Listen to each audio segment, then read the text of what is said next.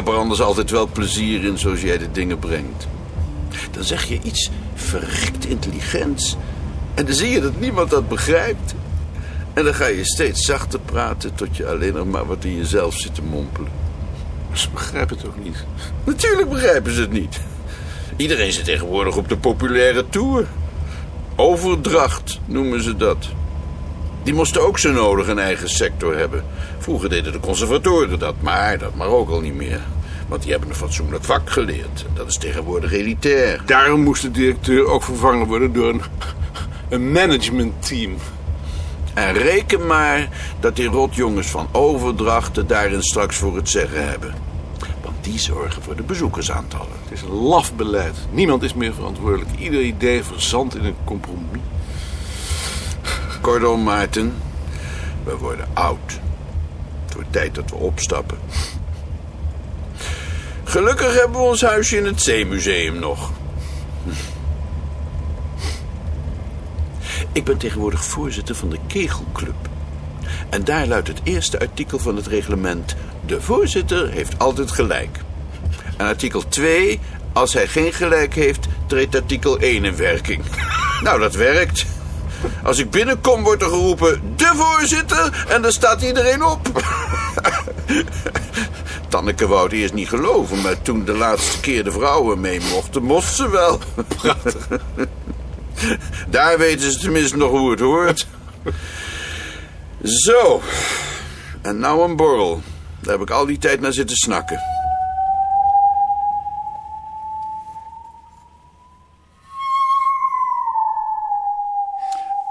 Tanneke is naar de moeder. Je zult het met mij alleen moeten doen.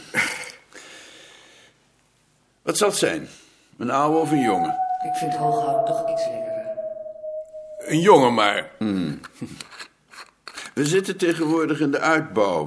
Hebben we net laten maken. Ehm, is jouw vader eigenlijk een eh, autoritaire man? Mijn vader? Een verschrikkelijk autoritaire man. Het enige wat hem interesseerde was dat ik net als hij professor zou worden. En weet je wat hij zei toen ik professor werd? Nou moet je nog zien dat je rector magnificus wordt.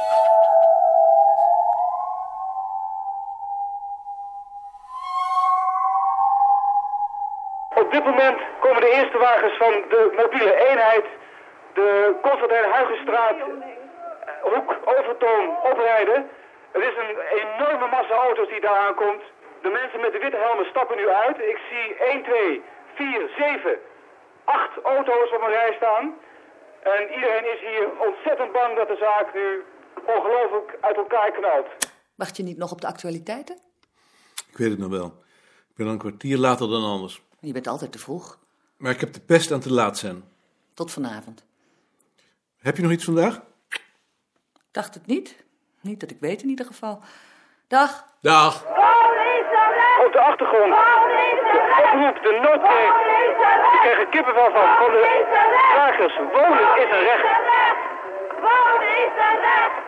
Wonen is een recht! Wonen is een De recht! mannen van de mobiele eenheid hebben zich nu tussen de wagens geplaatst. En daarachter staat de spuitwagen klaar is om met de oprukkende manschappen die nu zich klaarmaken met hun schilden voor zich uit om naar de krakers toe te gaan. Vind je het ook zo'n rotzooi in de stad? Met die krakers bedoel je? Gisteren konden we na het concert niet eens naar Hofman. Alles was vernield en afgezet. Wie is Hofman? Dat was een café op de hoek van de PC. Van welke kant kwam je dan? Van het concertgebouw natuurlijk. Dus daar was het ook al afgezet. Ja, natuurlijk. Begreep jij nou waarom ze er altijd zo'n rotzooi van moeten maken? Ik begrijp wel dat ze dat huis niet uit willen. En dan hoef je toch nog niet alles te vernielen? Ik eh, wou om half tien met mijn moeder een flat aan de Amstel gaan bekijken. Kan dat? Dat plan om met jou in een villa in Bloemendaal te gaan wonen gaat dus niet door? Dat vond jij niet zo verstandig, hè? Nee, dat is vraag om narigheid. Met koning? Met mij, Ad. Tuurlijk kan dat, Joop. ik wou vandaag maar thuis blijven. Ben je ziek? Nou, ziek. Ik heb hoofdpijn.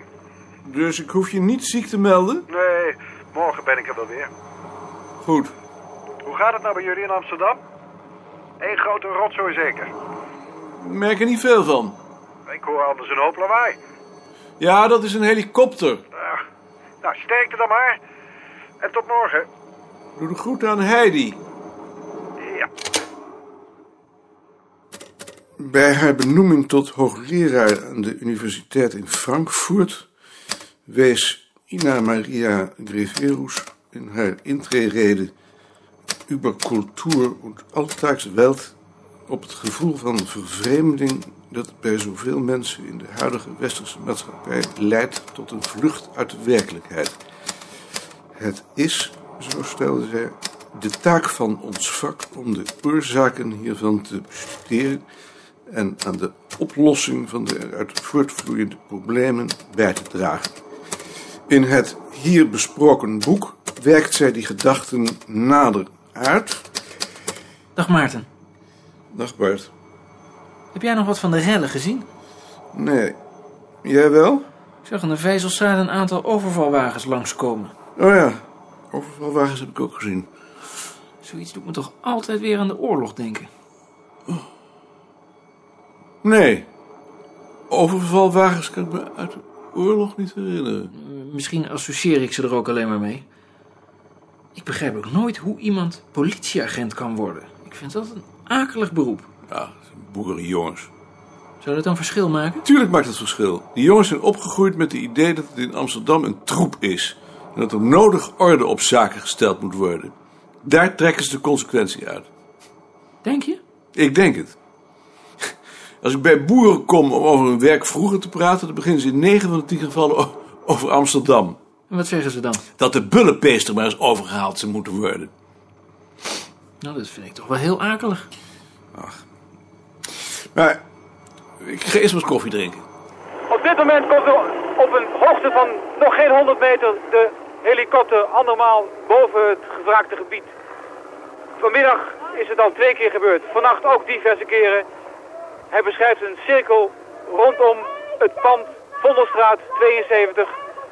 En als ik het goed heb, dan is dat het zijn tot de aanval. En? Hebben ze u weer losgelaten?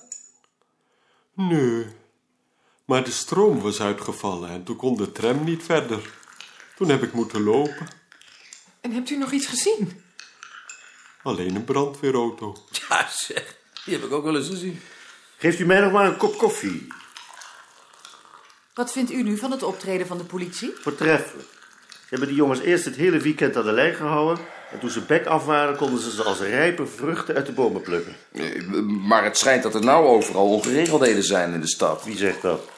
Dat zeiden ze daarnet over de nieuwsberichten. Die slaan ze wel weer uit elkaar. Hey, stop ermee! Hey, stop ermee! Hey, stop ermee! Hey, stop ermee! Stop ermee! Stop ermee! Met Koning? Dag. Kun jij tussen de middag aardappelen halen? Ja, Of heb je daar geen tijd voor? ehm, dat kan ik wel doen. Maar alleen als je tijd hebt. Ja, ik heb wel tijd. Is dat de helikopter? Ja. Hij vliegt hier net over. Heb, je, heb jij nog iets over de radio gehoord? Dat er overal relletjes zijn. Maar niet bij ons zeker. Nee, niet bij ons. Wat ben je aan het doen? Ik tik die recensie in het net. Alt is thuis gebleven. Wat heeft hij? Hoofdpijn. Hij mocht zeker niet van Heidi. Ik denk het. Dus je haalt die aardappelen. Ik zal het doen. Ja. Geen mensen meer te bekennen. En de mobiele eenheid rukt op om de nog resterende mensen die geen heenkomen hebben gezocht te verwijderen. Vanuit het Vondelpark is nu de eerste tank met de bulldozersschuit op de kruising van de Overtoom gekomen. Ons hangt de helikopter van waaruit vermoedelijk de actie wordt geleid. In kolonnen komen nu van de andere kant achter het voertuig van de Koninklijke Marechaussee de mobiele eenheid manschappen oprukken. om aan te tonen dat de weg vrij is. De barricades zijn gebroken. Gert, vind je wat? Oh ja, heel veel natuurlijk. Veranderingen? Ja, natuurlijk. Dat moest toch? Nee, maar, maar het is wel zo. Je, je kunt duidelijk zien dat de kermis na de Eerste Wereldoorlog verdrongen wordt door de Koninginnedag. Waarom is dat? Nou, een van de redenen zou toch wel zijn dat de elite van de kermis vervreemde... en in de Koninginnedag een middel zag om de hele bevolking te mobiliseren. Vooral in de crisistijd dan toch zeker? Ja, bijvoorbeeld. En ik bedoel, ik bedoel dat vooral, natuurlijk. Mooi. Misschien kun je daarover een stukje schrijven in het mededelingenblad van het bureau. Ik? Ja, jij. Maar ik weet helemaal niet of ik dat kan. Tuurlijk kan je dat. Denk er maar eens over. Sien, eh, is Blazer er vandaag niet? Die zal wel naar die rellen zijn gaan kijken. Eh, mag ik nog even wat vragen? Hoeveel bladzijden moet dat stuk zijn? Bladzij of vier. En vooral met citaten uit de vragenlijsten. Je moet maar zien hoe Sien en ik dat in de tijd gedaan hebben. Had jij niet ook naar die rellen moeten gaan kijken? Ik ben gisteravond al geweest. Wij zijn gisterenmiddag geweest. Hoe was dat? Luguber. Ik vond het wel spannend. De krakers of de politie? Nee, politie was er toen nog niet. Ben jij er niet gaan kijken? Ik heb een eh, recensie geschreven. Oh, jij bedoelt dat ik dat beter ook had kunnen doen. Ik zag op de lijst dat jij hebt opgegeven voor het colloquium van volkstaal. Wou je daar echt naartoe? Dat is meer tactiek. Vroeger ging ik soms op het laatste ogenblik. Dan stond mijn naam niet op de lijst en achteraf bleek dan dat iedereen dacht dat ik niet geweest was. Nu draai ik dat om. Bovendien spreken Engelien en Chef, dus misschien ga ik dit keer ook wel echt. Maar ik ga nu eerst thee drinken. Joop, mijn tabak is terug. En? Waar was het nou? Tussen de aantekeningen van mijn broodonderzoek. Zie je nou wel? Wie steelt er nou een pakje tabak? Niemand.